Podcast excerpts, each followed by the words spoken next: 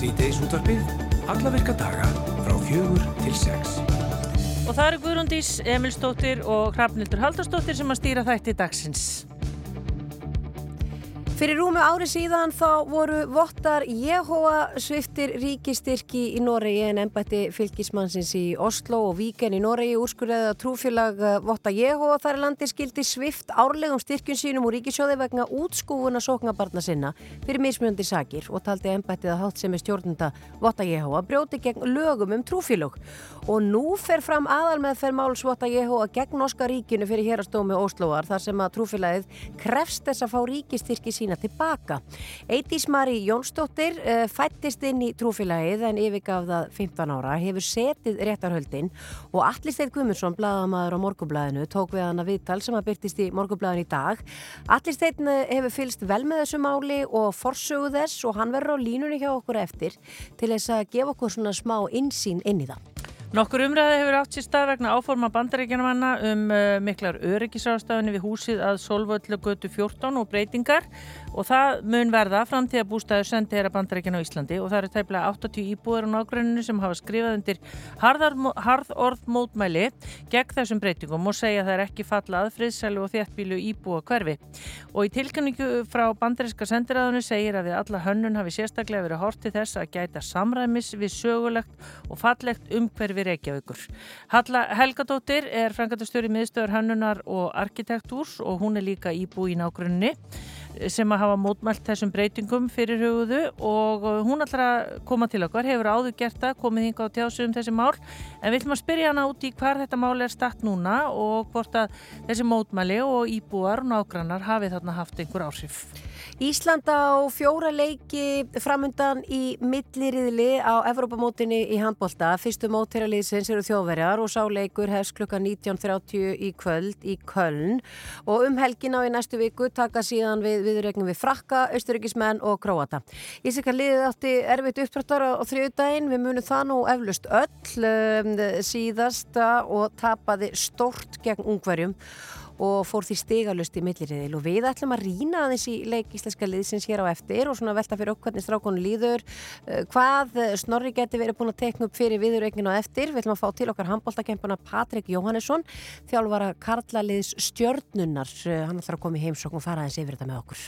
Svo er það Kjartan Ekkersson, hann hefur ekki tónlistaskóla í nær halva öld og hann segir blíkur á lofti varandi rekstur tónlistaskóla í landinu. Og í viðtali í morgunblæðinu í dag segir Kjartan að undanfannu 20 ár hafi Reykjavíkuborg dreigið smásamann úr fjárveitingum til skólana og í fyrra hætti borgin að styrkja kennslu 18 ára og eldri nefnda. Og í þessu viðtali þá minni Kjartan á að Reykjavíkuborg hýsi menninguna í þjóðfélaginu að stæstum hluta og Reykjavík hafi verið uppeldi stöð fyrir alla listmenningu í landinu í áratugi en nú sé hætti á ferðum og það verði engin tónlistamenning án öflugra tónlistaskóla. Og Kjartan ætlar að koma til okkur eftir og segja okkur betur um þessi mál. Og fyrir lók þáttar ætlum við að setja okkur í sambandi við Helgumarketi Höskustóttur, okkar konu í Köln og ræða við hana um þá spennandi viðraug sem að framöndan er uh, á eftir þegar Ísland mætir Þýskalandi í milliriðli en við ætlum að byrja á þessu. Ísrael verður með í Eurovision í Malmö í vör. Uh, þetta kemur fram í tilkynningu frá samtökum Evróskra sjómanstöða EBU sem að byrt er á VF sænska sjómansins. Fjöldi fólks mætti fyrir utan ríkisútarpið um klukkan hálf fjögur í dag til þess að mótmæla þessari ákverðun og afhenda Stefán Eiríksin út að stjóra undirskriftalista og hún hrafnildur, hún fór á stúana og rætti við mótmælendur. Það eru mótmæli hérna fyrir utan útastúsi, það var tilkynnt í dag að EBU hefði ákveðið að leifa Ísrael að taka þátt í Eurovision keppnin í ár, Daniel Ágúst, Magastína, Páll Óskar og fleiri tónlistamenn og alls konar fólk hér. Statt fyrir utan útastúsi í eftirleiti og hverju eru þið nákvæmlega að mótmæla? Við erum að mótmæla þáttöku Ísraels í svöngakeppninni á sömu fórsendum og, og Rúslandi var vísað úr keppninni í fyrra þar að segja út af mannúðar ástæðum. Uh, þið hefur náttúrulega áður samlast hérna saman og mótmælt Magastína en, en uh, hvað breytist við þessa tilkynningu í dag? Já, hún er verið kannski bara staðfest, eða sérst, hún, hún tóka allan vafa um hver afstæða sko já, er, er í þessu sko og hérna og náttúrulega nýjustu fréttir er að hérna, já, Evropasambandið og EBU einhvern veginn verðist taka einarða afstöðu núna með Ísrael og það er náttúrulega bara hræðilegt það er algjörlega ræðilegt sko. Páll Óskar, uh, Stefán Eiríksson hefur áður sagt að, að EBU er ekki Evrópusambandið. EBU er samtök uh, sjómastöða í Evrópu. já. Já, hættum þá þessari meðvirkni. Sjómanstöða geta líka ekki verið meðvirkar. Hættum þessu. Það er eins og eina landið í allþjóðarsamfélaginu sem er ekki meðvirkt er Suður Afríka. Áfram, suður, við erum eins og Suður Afríka. Algjörlega, já. Hva, hvað sjáu þið fyrir ykkur? Ég menna, auðvitað, vinsælkeppni, Íslendingar elska Eurovision, uh, eru þið með einhverja aðrar hugmyndir varðandi keppnina? Mér finnst ekkert að við að halda söngaketni sjónvarsins. Fyrir okkur, hérna heima sem við, við sem heimasýtjum, fáum góðan hittar út úr því. En ekki leggja það á herðar síðan listamannsins eða keppandans, hvort að hann ráði því hvort að hann fær út eða ekki. Ég vil ekki að við sem að fara þarna út í þetta meðvirkni partí með okkur þessari þjóð sem haga sér eins og eineltisseggur. Hættum þessu. Hættum þessari meðvirkni. Daniel Ágúst, heldur að hérna, íslenski tónlistamenn muni taka þátt ef að afstæða rú verður svo að við tökum þátt? Já, sko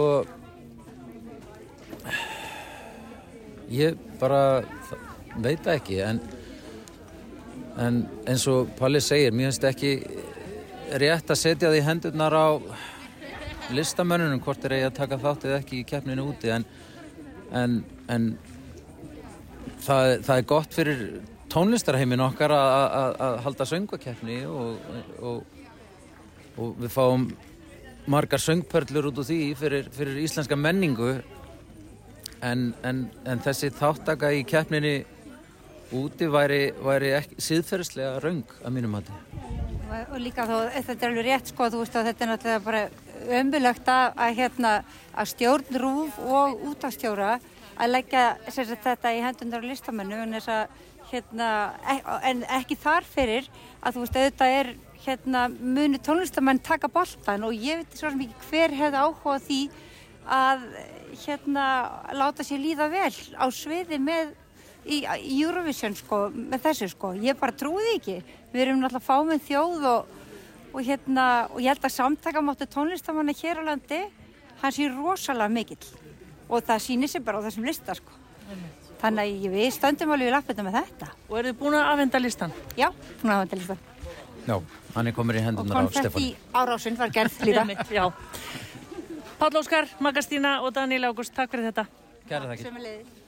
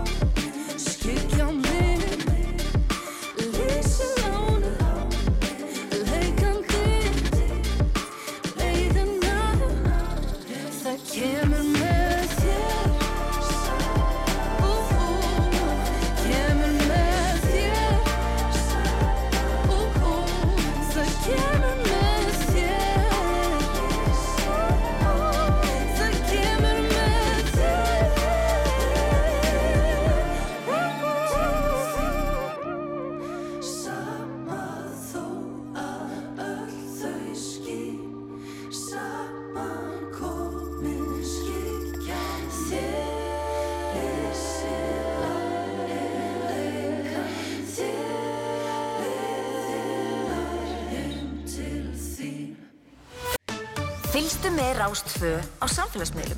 Flett upp á Rúf Rástfö á Instagram. Rástfö. Fyrst og fremst.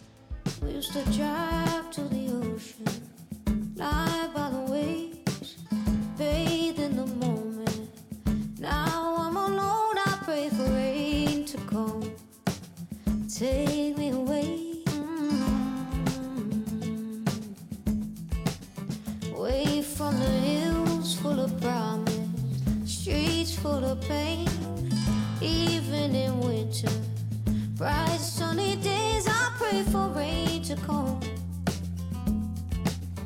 Oh, but it never does.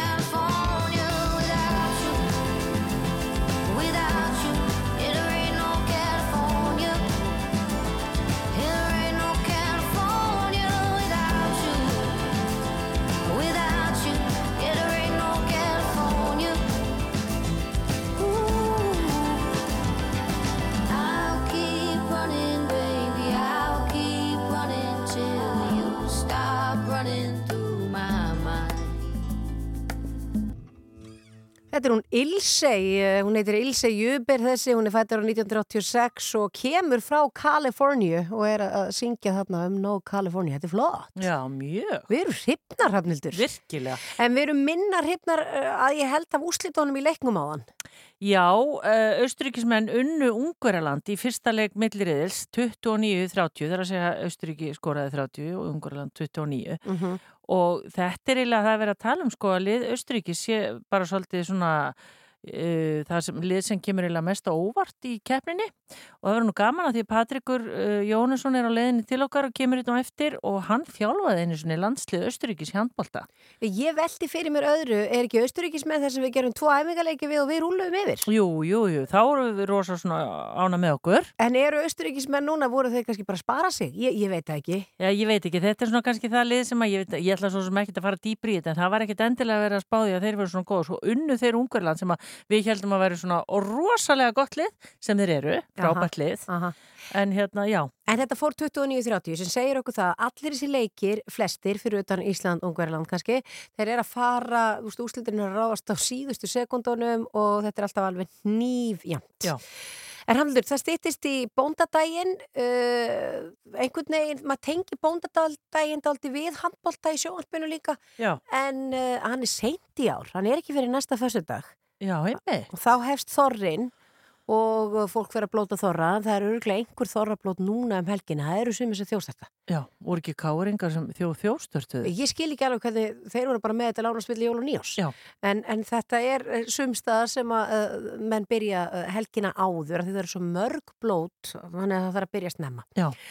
En uh, við þurfum að vera viðbúnar því að dekstra við kallpenningin, uh, konur þessara þjóðar, næsta föstu dag. Já, og þú rakst nú augun í uh, bara auglýsingu af þorra mat. Við vissum nú ekki eins og það væri í bóði á þorra borðinu.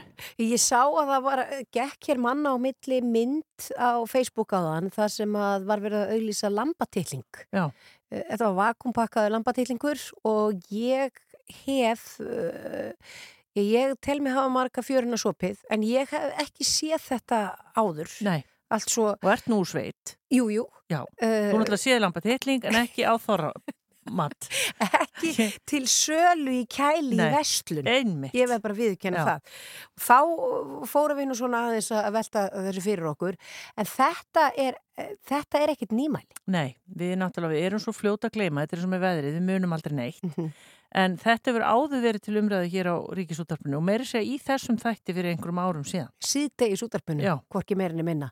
En þá eru það kollegar okkar Gunnar Hansson og Guðrún Gunnarsdóttir sem á voru að ræða þetta og, og Rafnildur gróf hér upp, gróf hér upp með aðstóð góðusmanns, uh, klippu á þann. Já, við skulum heyra aðeins hvernig þetta var. Við munum ekki alveg árið en það er einhver ár síðan.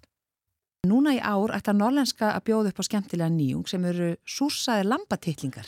Þetta, þetta er bara orðað svona titlingar. Já, þetta, ég er bara að lesa fréttina. Já. Eru þeir stórir eða litlir? þeir eru er frekar litlir, þetta eru lamba. Svona, Já, já. Þetta, er ekki rúta. Og nei, hvað gerði ég núna? Ég veit það ekki. Nei, nei, þetta er bara datt eh, aðeins út hjá mér. Já.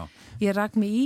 Eh, Ég sé hér síðan mynd af lambatitlingum, súsaðir og nettó svona miði framann og þetta er vakumpakkað. Já. Maður gæti haldið þetta væri áll, en þetta er, Þeir eru svona stórir. nei, er svona bara barnaáll. Ba já, litlir álar. Já, Já, já, já. Stærðin skiptir engum máli í þessu held ég. ég held að það sé aðalega bragðið. Þar höfum við það. Þetta, eh, Það er áður búið að flissa þessu í útvarpinu. Við byggðum þau, hér, byggðumst velverðinga við Guðrún Gunnars og og Gunnar Hans að voru að hlusta því þau eru náttúrulega mjög virðulega komin á rás eitt jú, jú. og mættu nú alls ekki fjallum þetta núna í mannlega þættinu. Öður á stóru sýstur, að, en, en svona er þetta, það er aðalega bræðið. Við, þetta er kannski eitthvað sem verður í Þorrabakka landsmanna núna, maður veit ekki. Nei, einmitt. En við ætlum að tala hér á eftir eins og við nefndum við Patrik Jónesson aðeins að hitta upp fyrir handboltan og svo náttúrulega Helga Marget áður en þátturinn úti og svo hér eftir smástund þá sest hún hjá Grún Halla Helgadóttir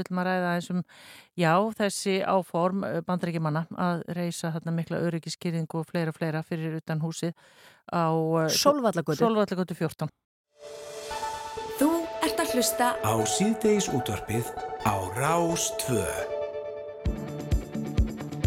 Ísland á fjóraleiki framundan í milliriðli á EM í handbolta. Fyrstu mótirarliðsins eru þjóðverjar. Það eru heimamenn en sá leikur hefst klukka 19.30 í kvöld í Köln. Verður að sjálfsögðu líst hér á Rástvö og í beitni á Rúf.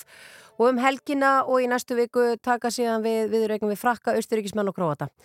Og uh, eins og allir vita og margir af að tjáðsjöfum þá átti íslenska liðið erfitt upprættar uh, þegar við spiluðum uh, á móti ungverjum á þriðju daginn og töpuðum frekar stórt og fórum stigalösi í, í milliriðil.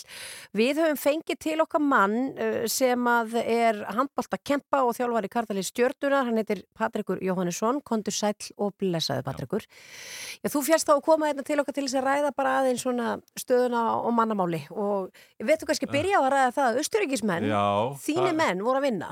Takk fyrir bóðið og hérna, já, það mínir gömlu vinnir, ég var þannig í sjö ár og, og átti frábæran tíma og, og hérna, hann er enda svolítið síðan ég var með liðið en það eru þó nokkri leikmenn hann ennþá og þetta er svona lið sem að við unnum auðvöldlega í æfingarleikjum en, en sko þeir voru held ég ekki á síðasta móti, þetta er svona jójólið en núna er greinilega eins og þessi leikur í dag, ég sá hann reyndar ekki en, en hérna þeir eru einhvern veginn búin að finna þessa blöndu. Það er ekki margir að þeim að spila í bestu liðum í heiminum, flestir að þeim heldur bara í deildin í Östuríki núna. En það eru svona leitvar eins og Nikola Billik sem ég þjálfaði, tók inn í liðið 17 ára, hann er algjörlega blóm, blómstra og að þeir vinni núna ungverja og það er líka, bara segir bara hvernig þetta móti er að, að hérna, það geta allir unnið alla og það er kannski jákvæði við þetta fyrir okkur varðandi kvöldið að og þjóðverða séu heimaðalli með 20 manns þá getum við alveg unnið þann leik. En já, austuríkismenn bara ég er pínu, þó að þetta komi illa fyrir okkur að hérna, gerir leiðin okkar erfiðari að þá verðum nú við ekki það. Ég er nú pínu stoltur að sjá svona þjóð sem að er ekki endilega handbóltað þjóð ég man þegar ég var þarna, þá voru oft verið að það berjast við skíðin og fótbóltan það var bara, aðtiklin var þar svo að ég er svona samgleðist að ég verði að vikinu það. Já, einmitt. En hérna, sko, við vorum einhvern veginn á því að ungverska liði væri bara svo ótrúlega gott að það var bara ekki hægt að vinna það. Mm. E, þetta, sko, í fyrsta lagi meðal stærðin hann er tveir metrar líku við. Já, já, nei, nei, en sko, þú veist, jú, jú, en í reyðlinum, þú veist, við, við ætlum að vera á jákvæðu nótunum, ég held að það sé nöðsilegt, en, en þá vorum við bara uh, ekki að spila vel og fórum, eins og ég segi, við erum mikið að, með þessar árásir á þessar trukka hjá ungurunum og gekk illa með að komast í gegn og og hotnafæri, við fórum illa með það. Nú þurfum við bara í dag að ég, við getum ekkert breytt heilu leikplani. Ég er alveg sammála snorra með þennan hóp sem við erum með í dag að við erum að halda því áfram og hotnamennin verða bara að taka færin og nýta þau betur. En eins og ég segi, ef að þjóðverðarnir loka það, þá þurfum við náttúrulega að vera líka svolítið klókari finnst mér að fá meiri reyfingu þegar stóri mennir í vörn og fer alltaf beint á það og þeir stoppa, þá verður einhvern veginn að fá meiri reyfingu á lið og ég vona að það gerist í dag.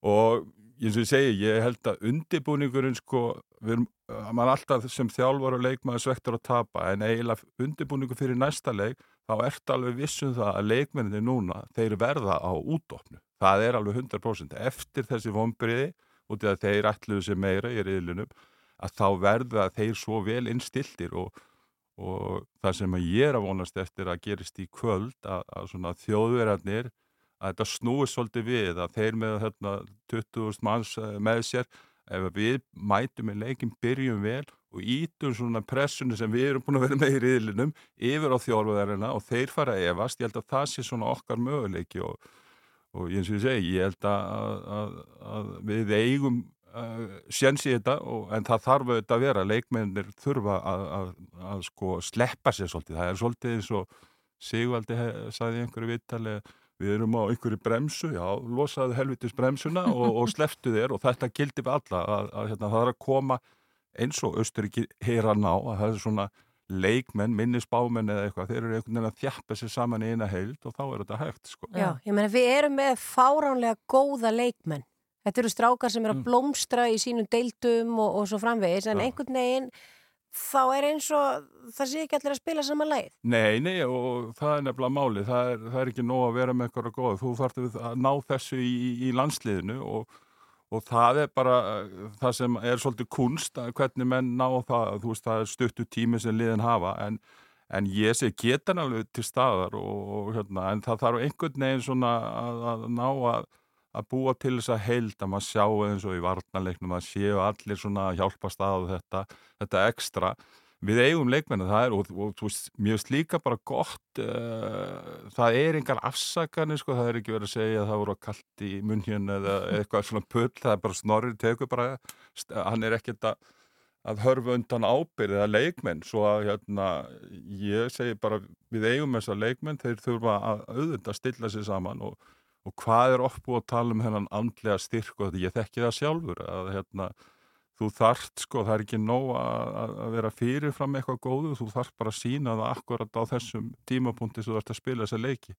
Svo að hérna ég, mín óskar það að, að all, öll þessi, að ekki áföll ekkit, en bara allir þessi lélu leikir að nú sé bara komið að menn og menn gerðu það, menn rættu saman og þjálfarætnin, þetta ég þekki alveg umhverju hvernig þetta er, að núna bara komið þetta, komið svona ein heild í þetta og fyrstu mínútur er leiknum mjög mikið þar. Já. En hvað á hann inni? Hvað á Snorri inni að því að þegar við töluðum við loga hérna fyrir, ég held að hafi verið bara eftir, uh, já bara fyrir ungverðarleikir, hann var að tala um það að hann var ánæður á Donni og einhverju, hann, æ- við ættum, hann ætti þá inni til dæmis til þess að fara og skjóta utan að velli að þetta væri dálítið mikið svona allt miðju menn.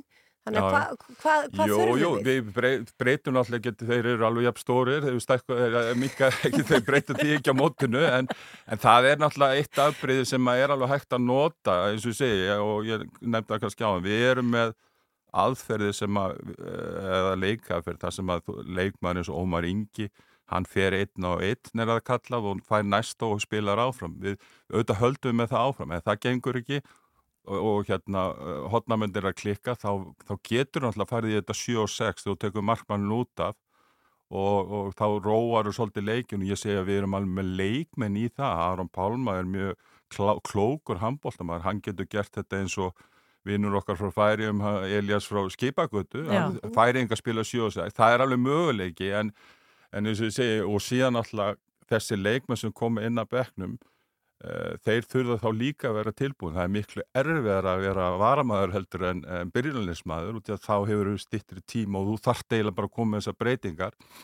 Svo hérna, það eru mögulegandi 7 og 6 en ég segi aðalega bara að strákanir einhvern veginn svona já, sleppi sér og, og svona líka svolítið, ég fá svolítið bara hörku Já. það er ekki einhverjir, ekki linir sko, það, þetta eru einhvern veginn að koma sér þannig en svona taktíslega séð þá er það 7 og 6 og þessar stærri reyfingar kannski sóknarlega að þú sérst ekki alltaf að fara að beinta á, á þjóðverðarna sem eru og, nei, hérna, Tveir og 22 og 100 og eitthvað kíló. Heldur að færa kannski spánverður eru mjög góður í því einmitt að, færa og þá, þá koma þessar glöfur.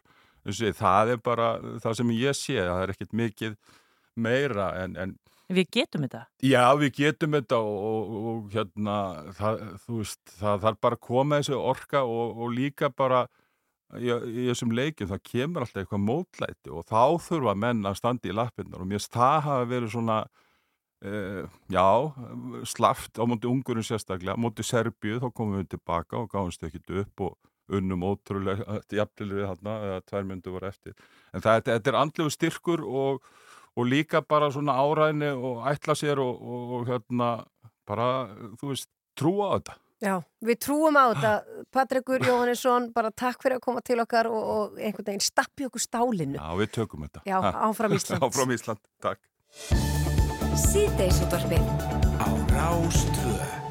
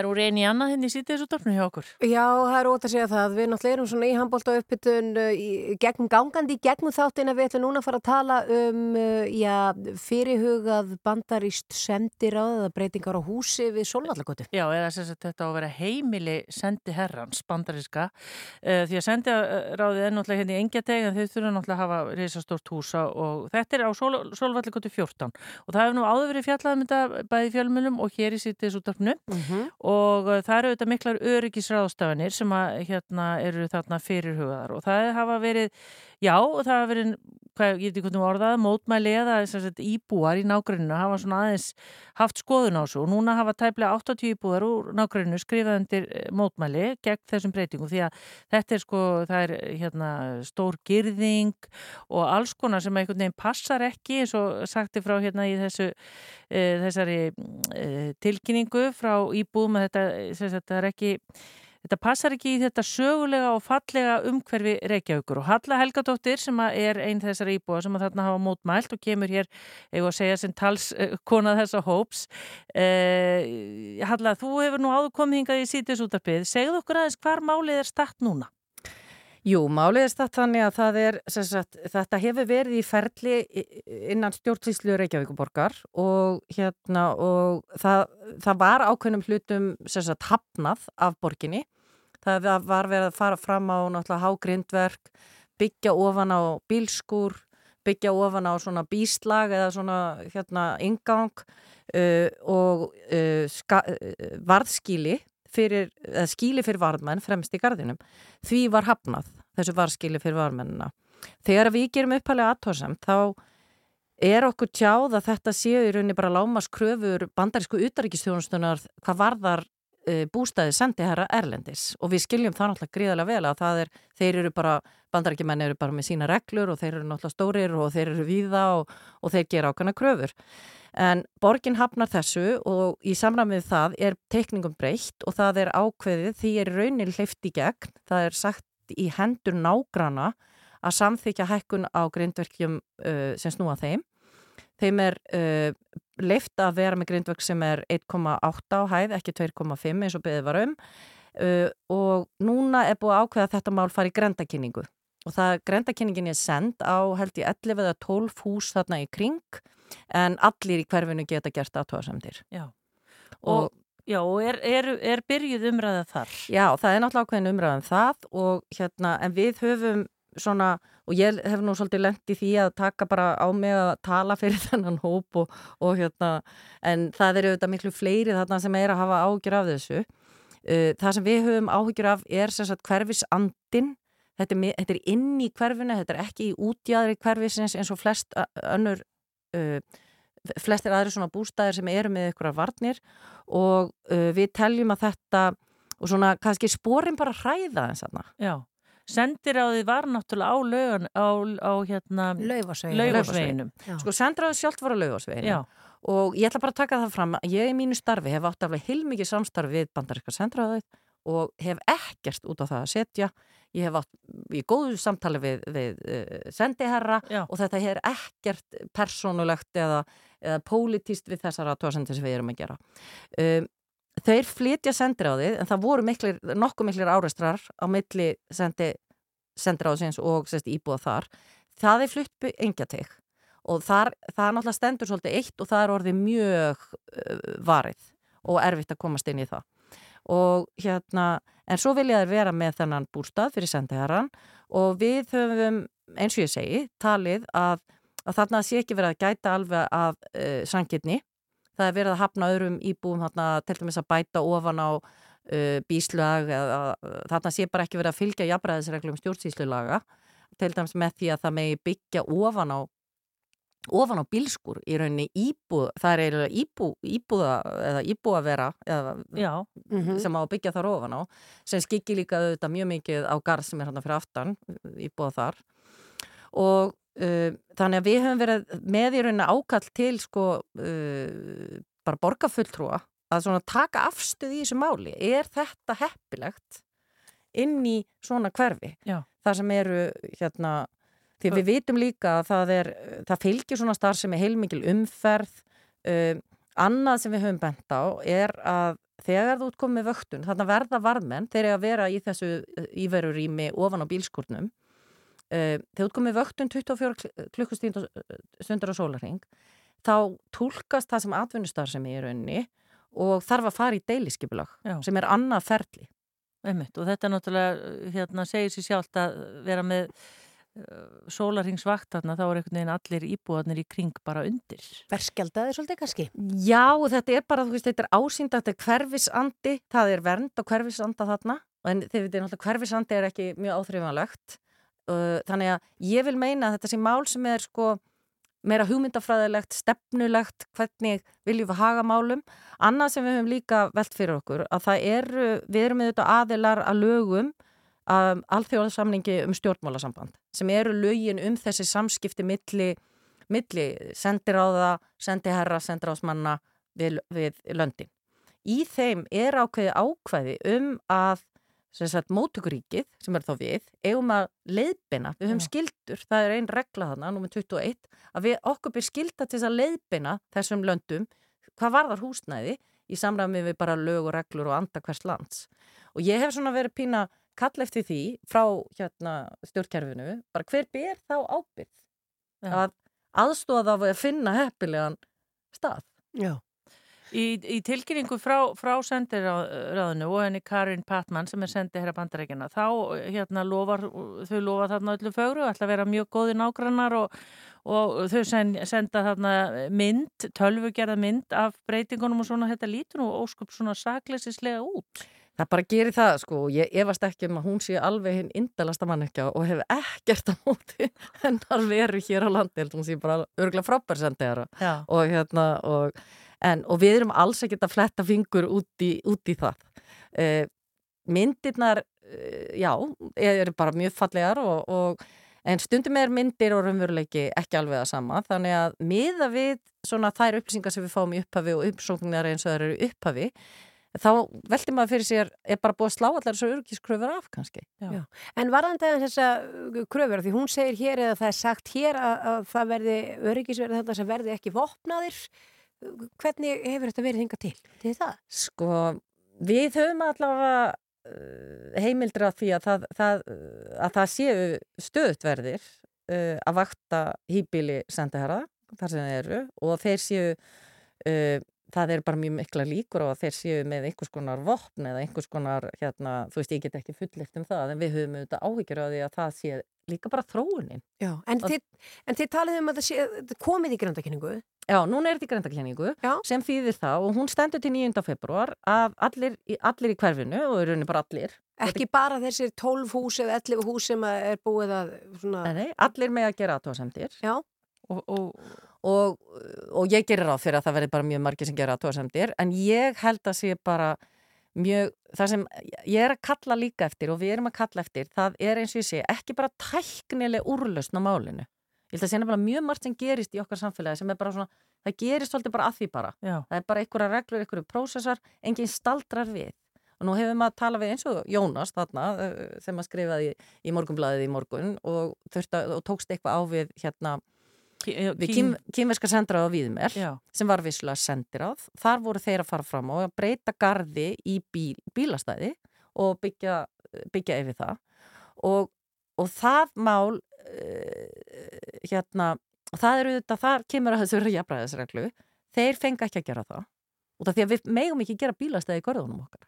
Og það er engin ástæð þessi lög um sendiráðin, þú veist, nú varst ekki um að, að sendiráðin með koma til hvaða land sem er og gera bara það sem þeim sýnist það, stend, það, það snýra því að verja þau. Og þannig að þeir búi við öryggi í löndunum sem þeir eru. Þannig að, að þarna þarf að finna eitthvað meðalhóf.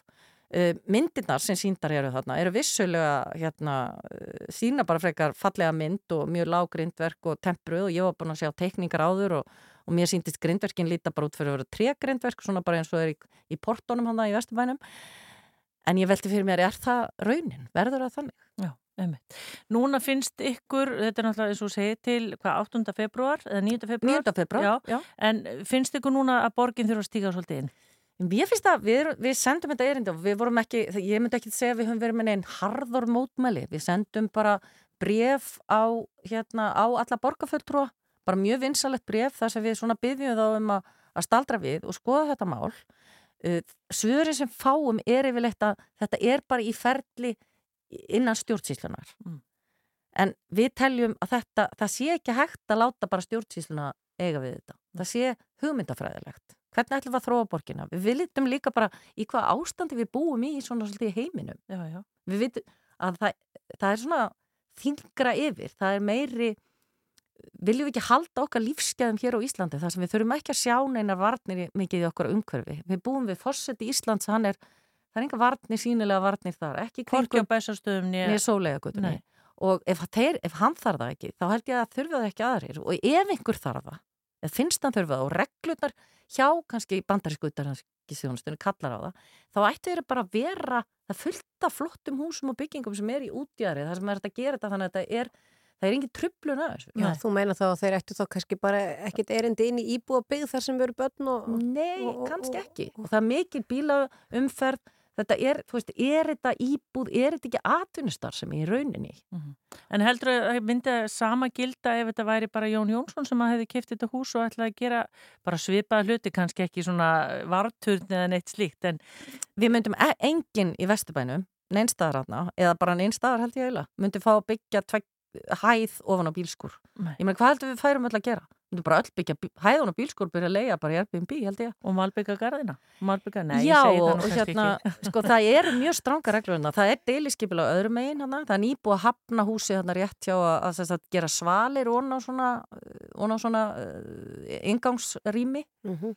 og það þarf bara að huga í að breyðsreglunni og það eru, þar eru lögureglur og við skiljum það, það, það þar, þar, þar dra, dragast línur í sandin Já. og líka þetta með ef það er sólarhengsvöktun þarna, 24 tíma sólarhengs þá þarf þetta svæði að fara í, í deilskiplag sem það er ekki á því núna Halla Helgadóttir, uh, já þessu er öllu komið til skila og við skulum sjá hvað borgin segir. Bara takk fyrir að koma til okkar í, í sítiðisutbið og við fréttum eflust meira af þessu máli. Já, við ætlum að reyna að ná í borgar fulltrúa á morgun, uh, sjá hva, hvernig það gengur og þanga til kannski bara að þeir sem búa hérna og hafa skoðun farið mitt inn í þessar samráðskátt og, og Já, ég er bara hvet alla sem hafa á þessu skoðun og, og, eru hérna og vilja sjá svona kannski ákveðna þróun við viljum náttúrulega bara vinsamlega hverfi við viljum verja okkar lífskeiði hér og Já. við vitum að síðasti sendihara sem var frá bandaríkjónum, hann vildi fá að ganga með vissu alla daga Takk fyrir þetta Halla, uh, við ætlum að leipa tilkynningum og uh, fréttum komum svo tilbaka. Þú ert að hlusta á síðdeis útvarpið Á Rástvö Jú, jú, við höldum áfram í síðdeis útvarpinu, uh, rétti þessu var að hefjast leikur frakka og króata uh, í EM í handbolta og staðan er 1-1 eins og er núna. Já, nú mætast náttúrulega stálinstinn um, og ég hef svo sem að frakkar eru bara vanir að vinna, er það ekki? Jó, þeir eru dálítið góður í handbolta en Mm. króatar eru líka bara dálítið góður í íþróttum þannig að þetta verður spennandi. Við fylgjumst með þessu svona með öðru augun og kannski segjum okkur svona eins frá stöðunni hérna á eftir. Já, við ætlum líka að fá stemninguna, nú eru þau komið til Kölnar, uh, íslenska landsliði mm uh, í, heitur hún ekki, Lagsnes höllin, ég held það Jú, jú og Helga Margrét, hún ætlar að heyri okkur hérna rétt uh, og eftir og bara vita hvort að fjöldin hafi séð svo sami og var í munn hér. Við töluðum við markastjóra HSI í gær og hann taldi að yrði ekki nema 100 Íslandingar á þessum leik. Nú, menn ætla að sjá svona hvernig gengur. Við verðum svolítið svo, nei ég held að sé ekki það, ég held að við bara ekki verið með fleiri miða eða eitthvað álíka og, og svona eitthvað VS varandi þeirra fyrsta leik. Þannig að við verðum eins og grækiberi helviti í þessari höll því að það verða 20.000 þjóðverjar og við verðum 100. Já. Við verðum að senda styrku orku bara í gegnum uh, skjáin og svona. Já, já, já. Til okkar, okkar manna en svo hins vegar sé, það eru fleiri miðar í bóði bæði á lögatarsleikin og svo næstu tvo leiki. En það var eitthvað, var eitthvað erfitt samt að fá á lögatarsleiki líka því þá skella þjóðverða sér í, á völlin þrátt fyrir að þessi ekki keppa. Einmitt. Þetta er bara svona helga stuð. En þetta er nú ekki það eina sem við ætlum að gera. Við ætlum líka að ringja til Norex á eftir því að Allir Stedt Guðmundsson blaðamaður á morgunblæðinu, uh, hann ætlar að setja okkur aðeins inn í mál þar sem að trúfélagið Votta Jehova er að stefna norska ríkinu og betur og, og meira af því hérna allt á eftir. Já, og hér eftir smástund þá ætlum tónlistaskóla á Íslandi. Á nýju ári ætla ég að skriður minni skell og ef að lífið er veitt er ég nota þennan fyrsta Ég ætla að gera eitthvað sem að ég hef aldrei áður gert og prófa eitthvað alveg nýtt í það er alveg tölur Ég ætla kannski að fá mér pilsu með rjóma og sti og hætta að elska hitan læra að lifa í frosti. Og kannski líka hlusta meira á munnhörpu spil. Ég geri það sem ég vil. Við erum komandi kynnslóðir, nú við tökum yfir,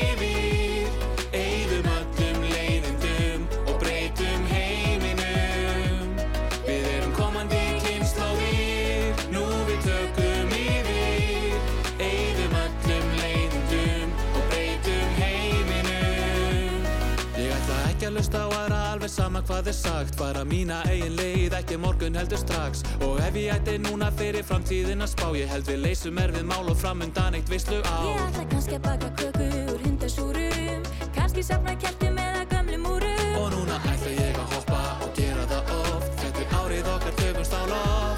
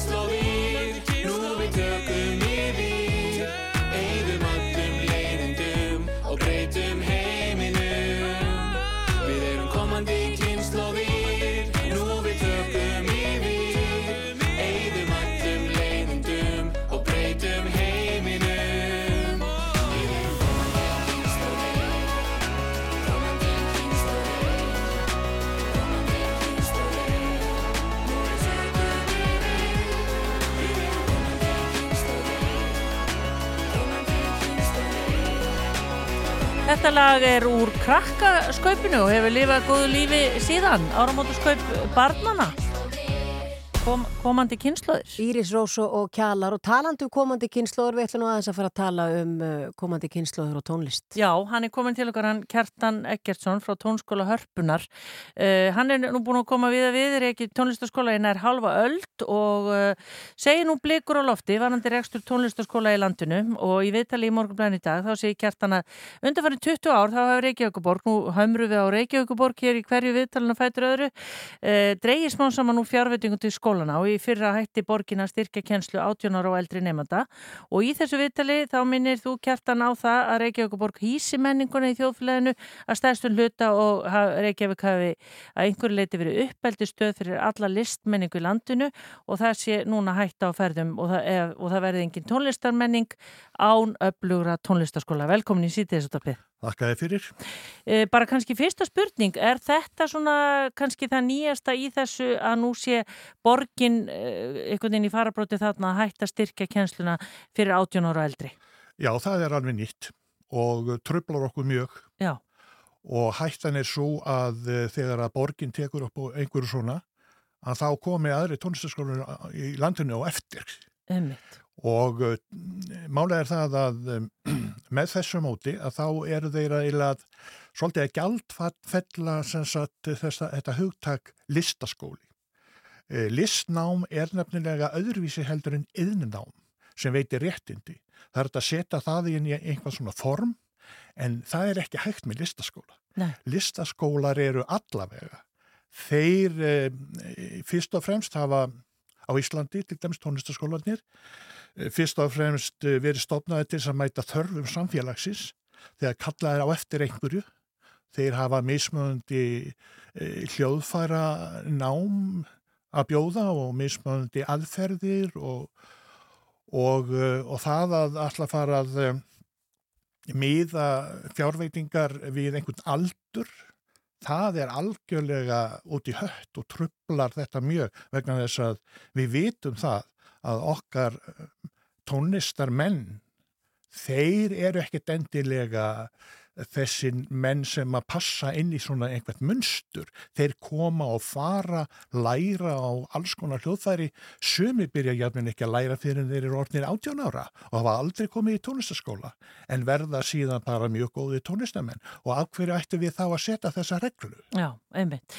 En svo nefnir líka í, í þessu viðtali að, að við séum, eða borgin sé að einhverju leiti að svona gera upp á milli barna sem brjóti nú í báa við eh, það sem við, sko, það sem að barnasáttmáli saminu þjóðuna segir að, all börn eigi að hafa sama rétt. Já, það er náttúrulega alveg ljóst að eh, ekki, ég veit ekki um neitt sveitafélag sem hefur raunverulega brugðist við þessum lögum.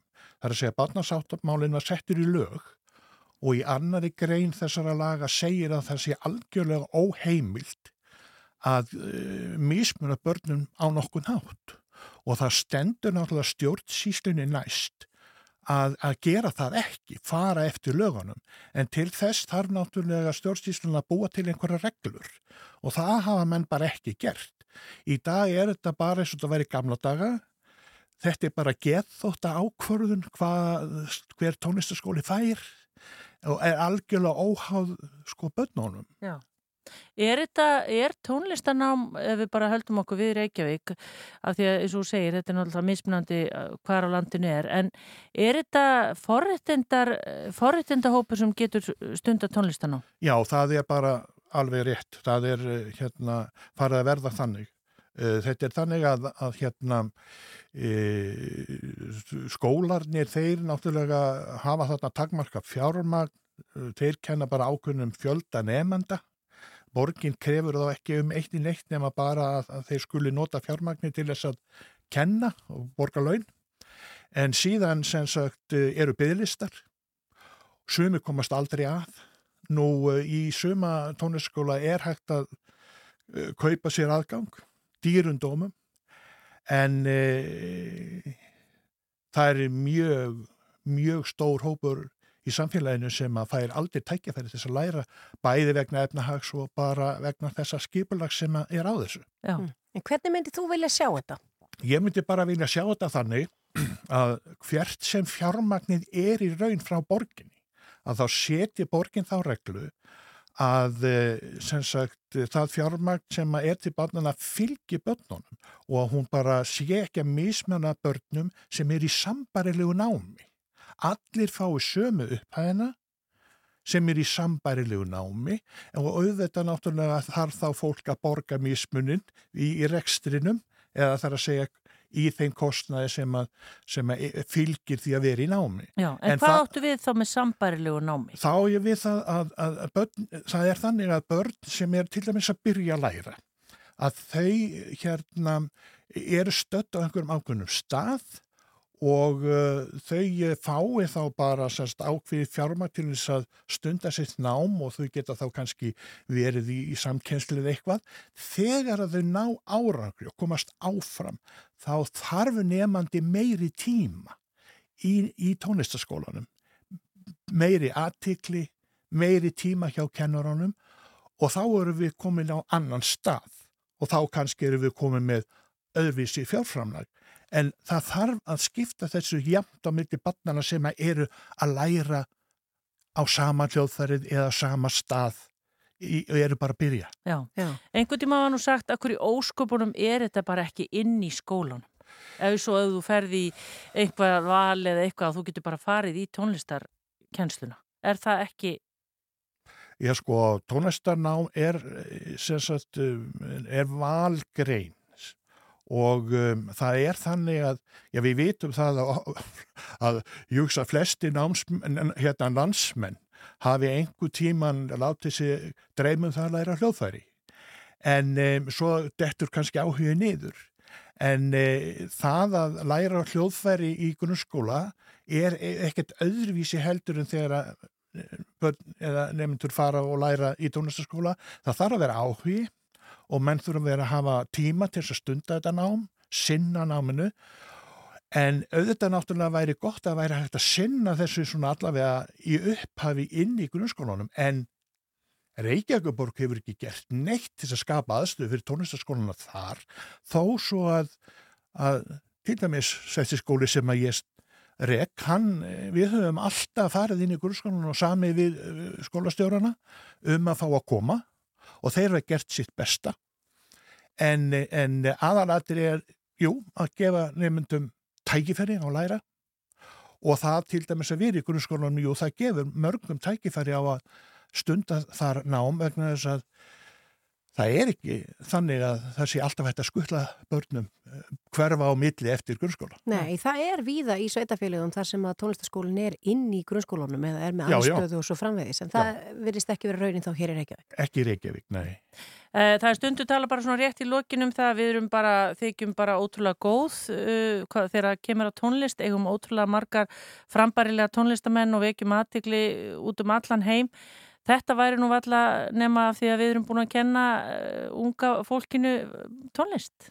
Já, við náttúrulega erum ekki bara búin að kenna þeim að spila, við erum búin að kenna þeim að hlusta. Við höfum frábæra áheyrindur og uh, við höfum hér þúsund kóra.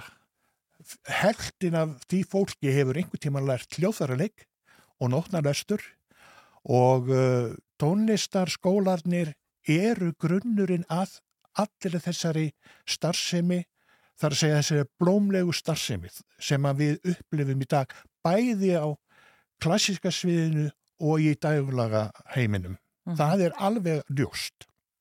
Það, við fylgjum betur með þessu máli það, nú komin í borgarstjóri og svona, er, ekki, er það búin að panta fundi á honum?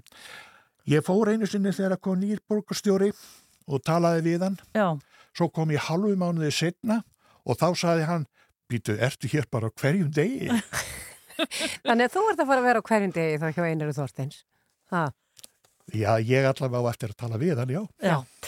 Kjartan Eggersson, bara takk fyrir að koma til okkar í, í síðdeis útarpið og uh, Við ekki aðtekla þessu máli? Já, við ekki aðtekla þessu máli, við þetta að fylgjast áfram með þessu. Takk fyrir komina. Takk sem leðis.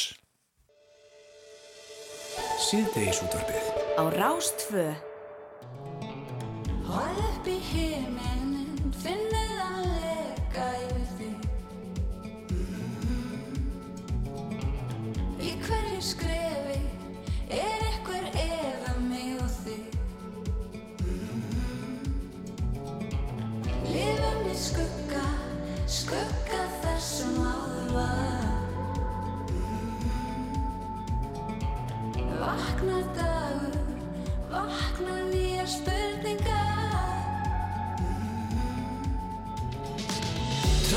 Furðu verur fjöld sem lifna við, fljúandi furðu hlut og guð. Ástinar okkur ól og dans í tónsljósi, starf upp í stjörnu híminni. Trúir á tilviljanir tækifæri mín, Feður sem í myrkrinu Trúir að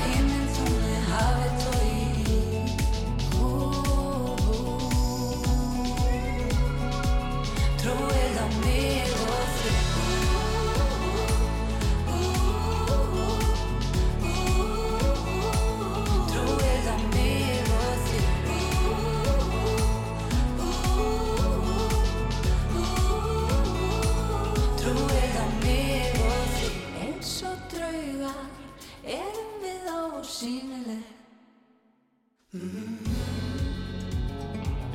Afnættunum orðin svo áþreifanleg mm.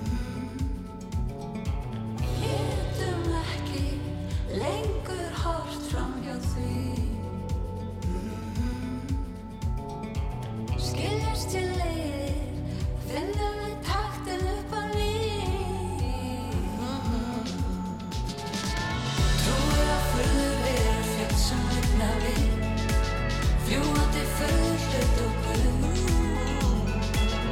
Ástinnar okkur róla dans í tónsljósi Star upp í stjörnu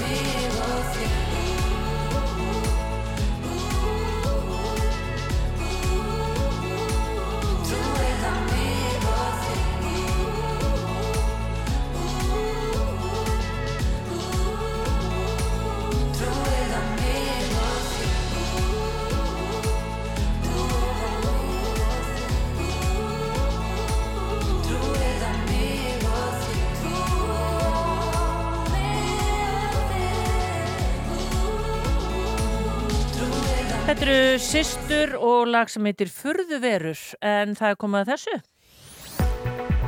Veðurhorfur næsta sólaringin.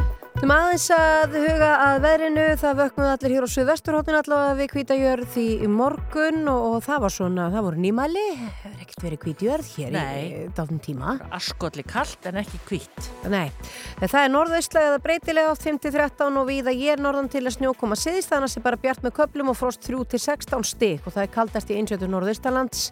Það dregur úr úrkomi fyrir norðan á morgun, vaksandi austanátt sunnan til eftir hádegi, 13-20 annarkvöld og snjókoma eða slitta og uh, það hlínar í veðri hérna samkvæmt þessu. Að... Hvað erum við þá að tala um? Við erum ekki að tala um eitthvað hlý. Já, við erum að tala um 16 stiginn til kalds, landsins hérna í einsjötu norðaustalands en ef við kíkja á, jú, ég læta nú vera, Ramnundur, ef við kíkja á lögadaginn, rauðtala hérna í Reykjavík. Nú, nú. Tveggjast þegar hitti, hitti frostmark í Bólingavík, þryggjast þegar frost á Akureyri, einstiks frost á Egilstöðum og einstiks hitt á Kirkjubæðaklustri. Þannig að þetta er nú bara hlýtt með við núna. Yes. En svo aftur á sunnudaginn, það er þetta aftur komið í blátt, þannig að það er ekkert að marka þetta. Það stýtist að við ringjum til Norex, við ætlum að forvitnast þar um uh, já, aðalmeðferð í máli sem að trúfélagi Votar Jehova eru með gegn norska ríkinu og allir stedt Guðmunds og Blaðamaður veit allt um málið.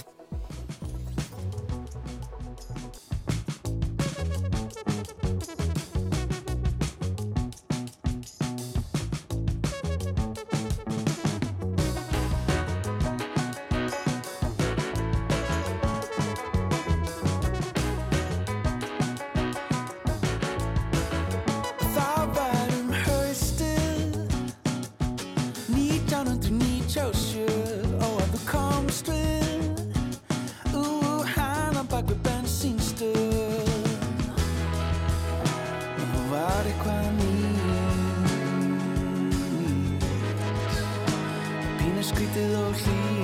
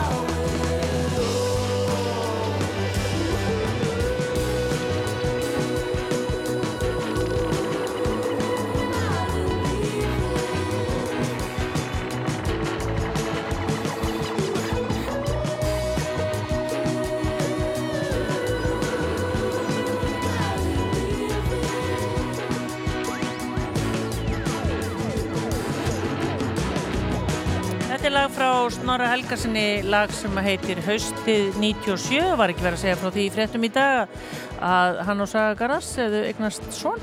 Jú, jú, við sendum þeim bara innilegar hamingjóskir með það. Já. Flott hjá hann, lag hjá honum. Þetta er geggja lag.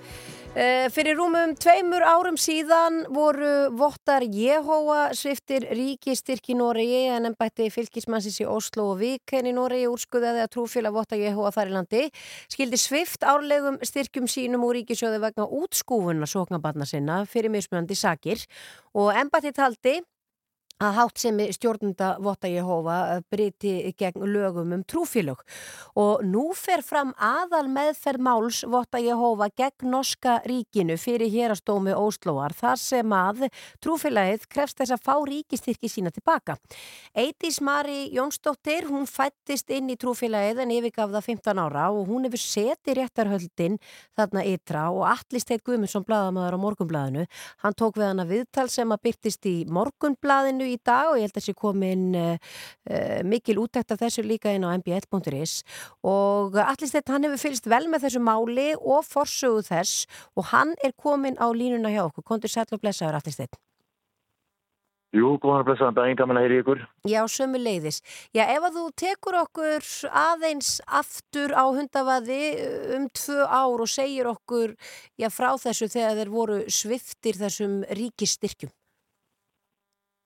Já, við getum í rauninni farið rúmlega tvöður aftur í tíman, alveg til ásins 2021 þegar sem sagt batna á fjölskyldu ráðuneyti Noregs leggur það fyrir fyrir uh, fylgismannin eins og hann hétt á þetta heitir núna statsforvalterinn þetta er í rauninni eins konar fylgistjóri þetta er bara stjórnsýslambætti sem er, er svona eins og síslumadur yfir hverju, hverju fylgi.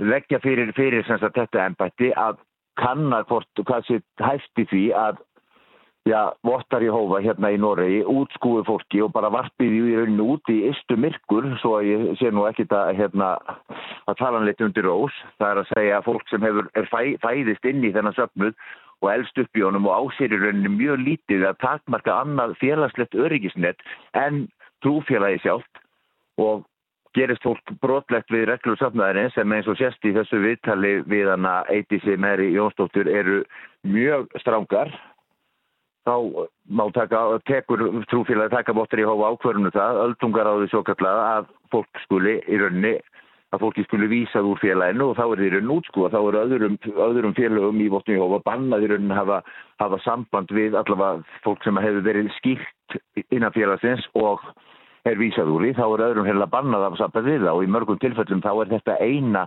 félagslega net sem þetta fólk hefur. Og þetta náttúrulega þótti mjög gróft og það er uh, kristilega dagblæði vort land sem að greini fyrst frá þessara rannsókn árið 2021 en hún hefst í rauninni rannsóknin í kjölfar mjög aðtiklisverða þátt að eitthvað sýstustofnunar NRK, Norska Ríkisútafsins Brennpunkt, uh, rannsóknarblæðamistu þáttunum þar, gerði þáttaröð sem að heitir Guðs útvaldi, Guðs útvöldu sem að var mjög sterk fjallaði um nokkur trúfélög í held í 5 eða 6 þáttum og þar á meðal voru vottar í hófatekni fyrir. Og þar var hulunni svifta þessu, þar var rætt við nokkra heimildamenn sem að höfðu, hafði verið vísað úr vottum í hóf. Og þeir greindu frá því hvuslas líf það væri sem byði allavega mjög margra. Það er rauninni, fólki er í rauninni útskúða af sínum eigin fjölskyldum einnig. Þannig að í rauninni já, býður kannski óstöp volaðislegt líf margra sem að hafa alist upp algjörlega einasafnaðir eins og eru algjörlega háður honum og þetta var nú svona þungamiðjan í þessu og í kjölfari þá er hverjum upp sá úrskurður hjá fylgismanni í janúar 2022 fyrir tveimur árum að vottar í hófa skuli sviftir ríkistyrkinu. Það er að þeir njóti ekki lengur styrkja frá norska ríkinu og trúfélag, trú, lögum en trúfélag lofum trú, trúsamfún hafði aukast verið breytt komið þar áður og nú er svo komið að samkvæmt nýju lögunum þá uppfylla vottar í hófa ekki skilir til að vera skráð trúfélag í Noregi vegna þessarar útskúfunar og kúunar í rauninni á sínum þoknabönnum. Svo um það snýst þetta máli í rauninni svona í nótskurt. Mm -hmm. Og þeir eru að fara fram á að fá 672 miljónir íslenskra króna auk vaksta vegna þess að þeir hafa verið sviftir þessum peningum. Já, núna sem sagt hafa, og það ekki var nú hvað í nóvef, oktober, november, þá stefna vottar í hófa í Noregi, Norskaríkinu og krefjast þess að þeir fái e, greita þá peninga sem þeir urðu af eftir að hafa verið sviftir þessu ríkistyrk og þeir krefjast ríkistyrk fyrir 2021, 2 og 3 með vöxtum.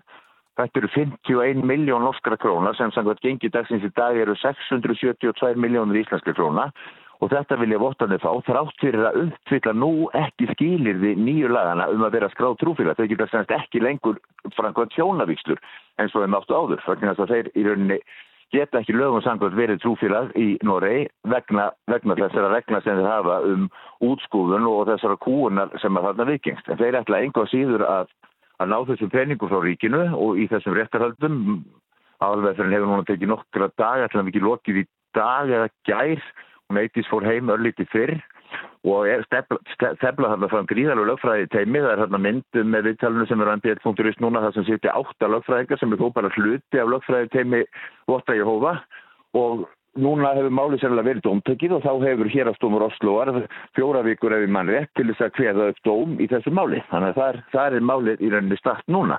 Og fjöldi bæði fyrirverandi og útskúvara og, og virkra og núverandi votta sem í rauninni fylgti réttasælinn. Það var þjætt setið alveg og eins og hún eittis líti þá röðuðu þeir hátsettum uh, vottum úr meðal annars öldungaráðinu svo kallaði í kringum vittni og mjög sláandi mynd sem er aðal með, með við telunum af númin okkur í pilot sem er útskúfuð úr, úr vottum í hófa og brotnað saman og grætur í vittnastúkunni og, og bakvið þannig eru sem sagt af hópnum sem situr þar átta virkir vottar og sést svona mjög sérstætt svipmóta og nokkur þeirra eins og fólk sér að skoða þessa mynd og það er nú málið stætt í dag.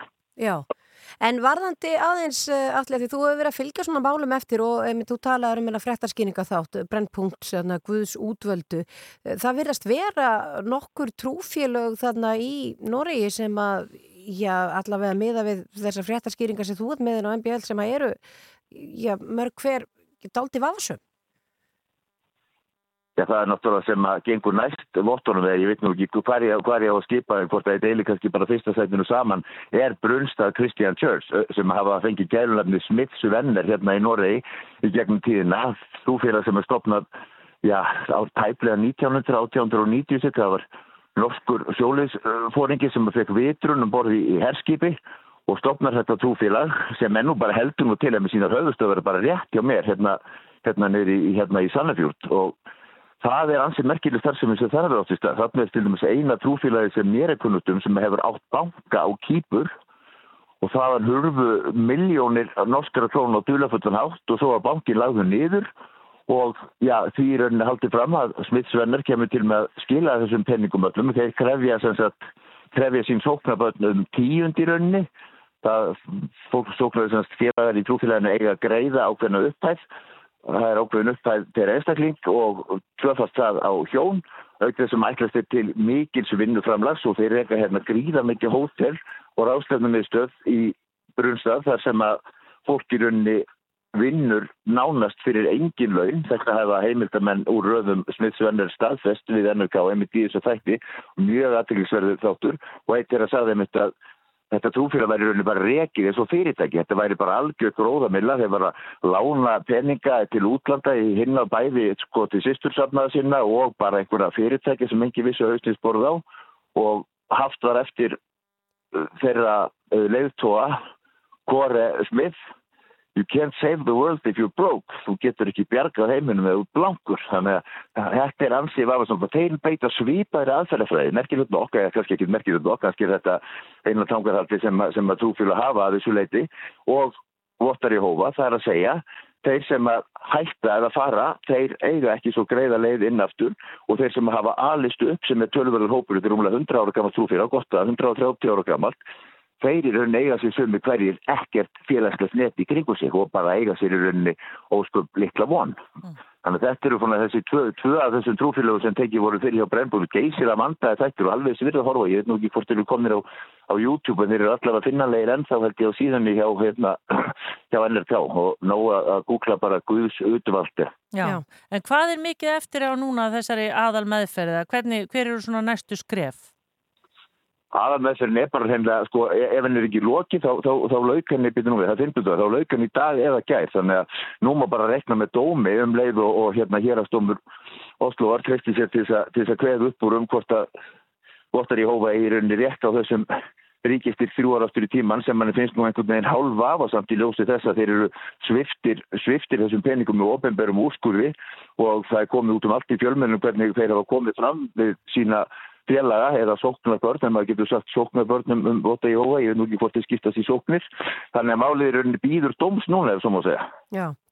Allir steinn, það er að lesa miklu meira um þetta. Þetta er komið inn á MBL uh, ítalegt, já það viðtal þitt við hana Eidísi Marí og, og um þetta mál og eins líka um uh, þetta uh, Christian Church líka, vinir Smiths. Já, það er, það er lekkur inn, í- inn í þessu viðtali þess að við við hérna einu, það er ekki eins og lekkur hann, ég getum bara bætt honum inn, en það er mjög aðtækisveið lesning líka og ég átti nú bara ekki orð þegar ég horfði á hann þátt hjá, hjá NRK á sínu tíma þarna 2021 eða hvernig sem hann var, þannig að það er, er ekki síður hérna fróðulegt fyrir fólk sem eru áhuga á Já. já, trúaróbeldi, hvað maður að segja. Já, það er vonandi að uh, frændur okkar Nóri takki til í þessum málum. Bara takk fyrir að vera á línu hjá okkur, Allir Sett Guðmundsson, bladamæður á, á Mokanum og hérna, við byggjum bara fyrir góða kveðjur til ykkar.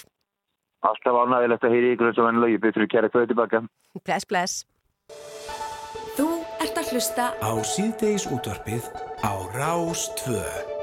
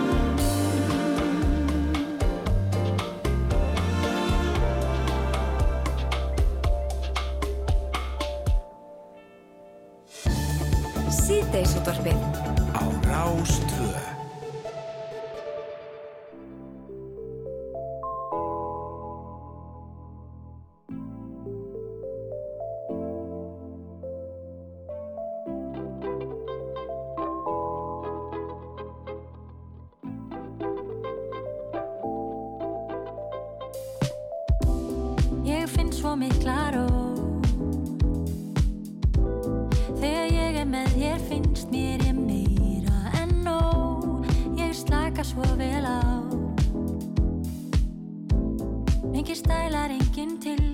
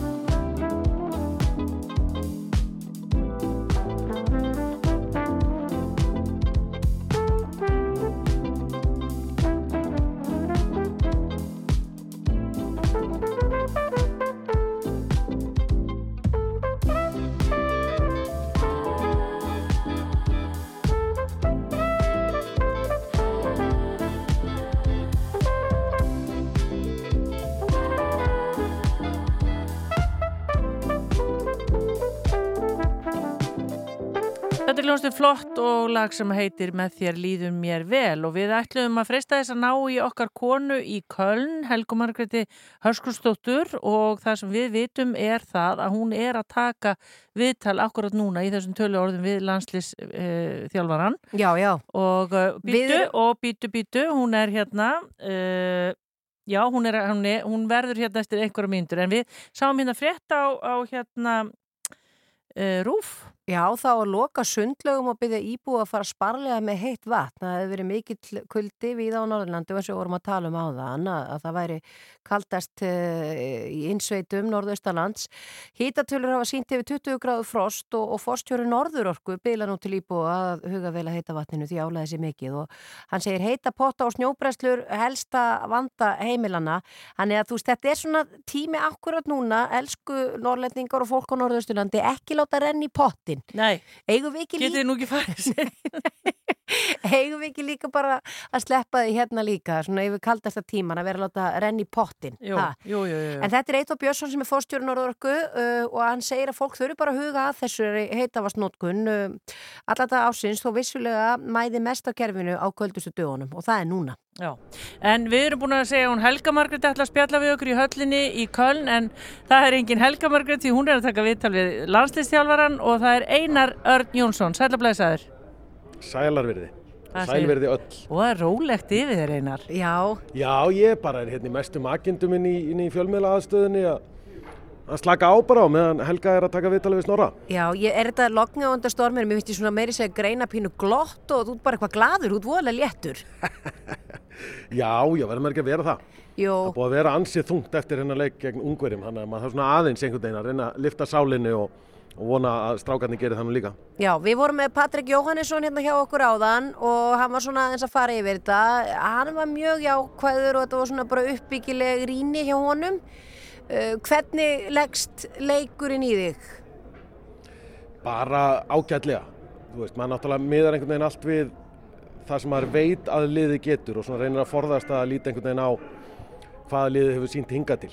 Maður vill alltaf miða við það, það besta og hámarkið í því sem að, sem að veita býri þessum strákum og ef þeir ná að laða það fram í dag sem þeir hafa ekki náða að laða fram í, í leikjónum þreymur hinga til þá getur þetta orðið mjög skemmtilegur og, og áhugaverður leikur af því að þá eru, eru þetta íslenska og, og þýsku liðin bara mjög jöfn, mjög áþekka að getu og, og leikstíl og, og allir því.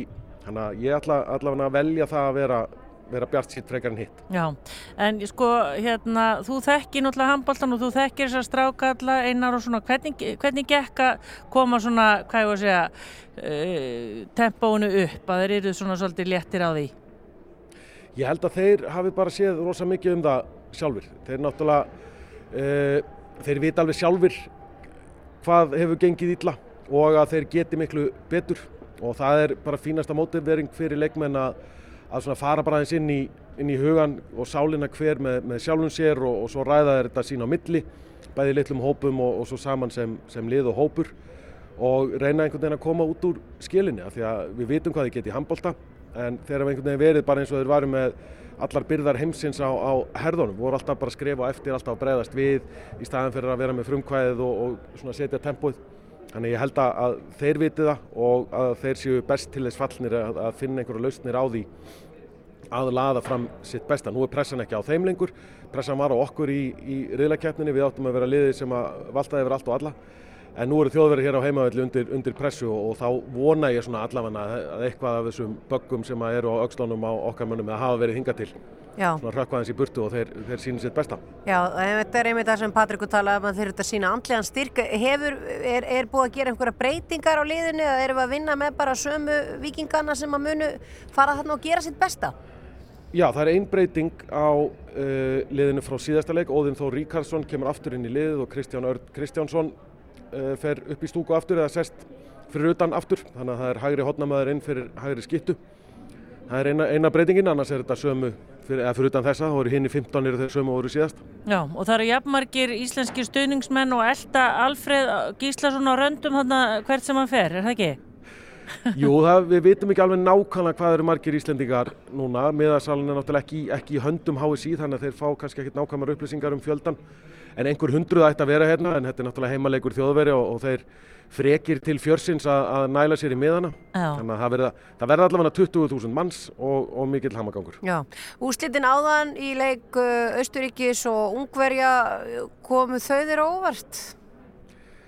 Já, þau gerðu það eiginlega. Eh, Við, við spilum tvisvar við Östuríki í, í hérna, uppbytunarleikjónum fyrir mótið og unnum þá tvisvar, bara nokkuð öruglega og svo náttúrulega vita allir hvernig fór hjá okkur á móti, móti Ungarlandi þannig ég gerði ráð fyrir að Ungarlandi væru aðeins sterkari. En þeir hafa nú átta til líka áður að, sína stórleika móti Íslandi og svo er bara blaðran sprungin og þeir geta ekkert meira í mótin eftir það. Hvað er Þannig það að- nú? En þetta voru, þetta voru vondúslit fyrir okkur. Svona ef maður nennir að, vera að hengja sig áfram í það að við eigum alltaf að vera að treysta á einhver aðra sem við eigum ekkert að vera að gera. En núna eru austuríkismenn konum með þrjú stíð í riðlinum og við erum ennþá án stiga og þeir eru einn af þessu, eitt af þessum liðin sem við erum að keppa við um, um lausa sætið í, í olimpíundakeppninni Já. þannig að þetta voru óheppil úslit fyrir okkur en við náum þeim bara tilbaka með því að vinna okkar leiki hættum að vera eitthvað að horfa á hina og vona að hinnir og þessi gera okkur einhverja greiða og, og, og við höfum bara að hugsa um okkur, okkur sjálf Já. og græja okkar mál sjálf Það er kuldakast á Íslandi, Gunnar var að segja má ekki fara í heitapottin eða neitt fyrir norðan, er ekki skítkalt í Þýskalandi líka? Jú, það er bara vel kallt hér og, og það er náttúrulega algjört kaos að því að það snjóaði. Já. Það snjóaði kannski á tíu ára fresti hérna í kvöld og sama staða í kringum Frankfurt og eitthvað flugullurinn lokaður og allir, allir autobanarnir eru bara gjörsamlega í hakki. Ég sá einhverja frett í sjónvarpinu áðan, það var einhver frettamæður fastur út á autoban, búin að vera í sex tíma á þess að reyfast eitt einasta metra. Ég get sér að- og Já. það er snjór út um allt hérna í Köln og maður sér bara Köln að búa að labba í ringi og veit ekkert hvað er að gerast. Já, og eru sagt allir fjóri leikirnir þarna á sama stað? Já, allt hér í, í Köln. Alltaf Og svo 20.000 náttúrulega- manns. Alltaf 20.000 manns og ef að við förum áfram annarkvort í undanúslitið að spilum fymtasæti þá er það líka hér. Já. Þannig að restin af mótinu sérst fyrir okkur er, er hér. Það er nú huggulegt, þú getur bara komið vel fyrir og svo hótelherbyggi svo út á og svona og, bara, og haft það kósi. Af Já, bara stara út um gluggana á dómkirkjuna, við erum bara beint undir dómkirkjunni. Já, maður getur hort á dómkirkjuna klukkutímunum saman og alltaf séð eitthvað nýtt. Já, það er þetta rétt. Hún er alveg mögnuð. En Við erum, uh, já, ég held að sé ótt að segja það, að við erum öll með svona pínustein í maganum hérna heima, við erum spennt fyrir leiknum í, í- í kvöld, við erum líka pínu kvíðin en, en, en aðalega þá, jú, jú, við erum bara, við erum bjarsín. Já, þetta er tilfinningin sem maður á að hafa sko. Maður á að vera með pínu kvíðan út, smá fyririldi en líka spenntur. Þá Já. finnum maður að spennustíðið er svona réttum stað og þetta, þú veist, þetta skiptir maður máli, maður finnur það líka. Veist, eh, maður væri ekki að kvíða fyrir einhverju eða spenntur yfir einhverju en mann væri alveg saman um það. Einmitt það. Og þú lýsir leiknum í sjónvarpinu og Þorkell er það ekki hér á Rás 2? Jú. Við erum ekki að breyta þar. Nei, nei, nei, nei. Við höfum þetta bara eins. Engin ástæða til. Nei. Bara gangi þér vel Einar Örn og okkur öllum og takk fyrir þetta í dag. Takk sem leiðis. Já, bless, bless. Bless, Já, bless. þarna vorum við í sambandi við Einar Örn Jónsson. Við erum að, við erum að, ég er miklu jákvæðari núna eftir öll þessi vitur sem við erum búin að taka hérna. Patrikur og Einar og Hellingspepp. við erum bara að fara að vinna hennar leik. Já, já, já, já, þetta er svona. Já, þetta fer allt saman einhvern veginn, Rafnildur. Það er nú það eina sem við vitum. Já, já. mér fannst líka bara svo uppbyggilegt, ég las uh, á fésbókinni í gær, þú veist, menn þannig eru bara strákar að fara á völlin, gera sitt besta, þeir eru held ég ekki á launum við þetta, sko, þeir eru bara landi og þjóð til sóma og ég menna, ekkert okkar geti gert betur. Nei, og þó Ha? við séu reið kannski á meðan að leiknum stendur, þá meðu ekki verið lengir það, það er ástríða. Já. Það er ástríða. Það er ástríða. Já. En við ætlum bara að fara að segja þetta gott hér í síðdeisútarpinu og svo eins og við nefndum áðan, Þorkill Gunnar, hann fyrir að koma sér fyrir hann, hérna það búið að setja allavega löngusnúruna fyrir hann því að hann lappar hér um allt. Já, já, leikurinn klukkan 19.30 og HM stofan klukkan 19 á EM, Rúf. EM stofan. EM stofan, Já. ég er bara komin á HM. Já, já. Ég er líka farin á olimpíuleikana. en við- takk fyrir þetta. Já, við erum aftur með ykkur á morgun. Takk og bless.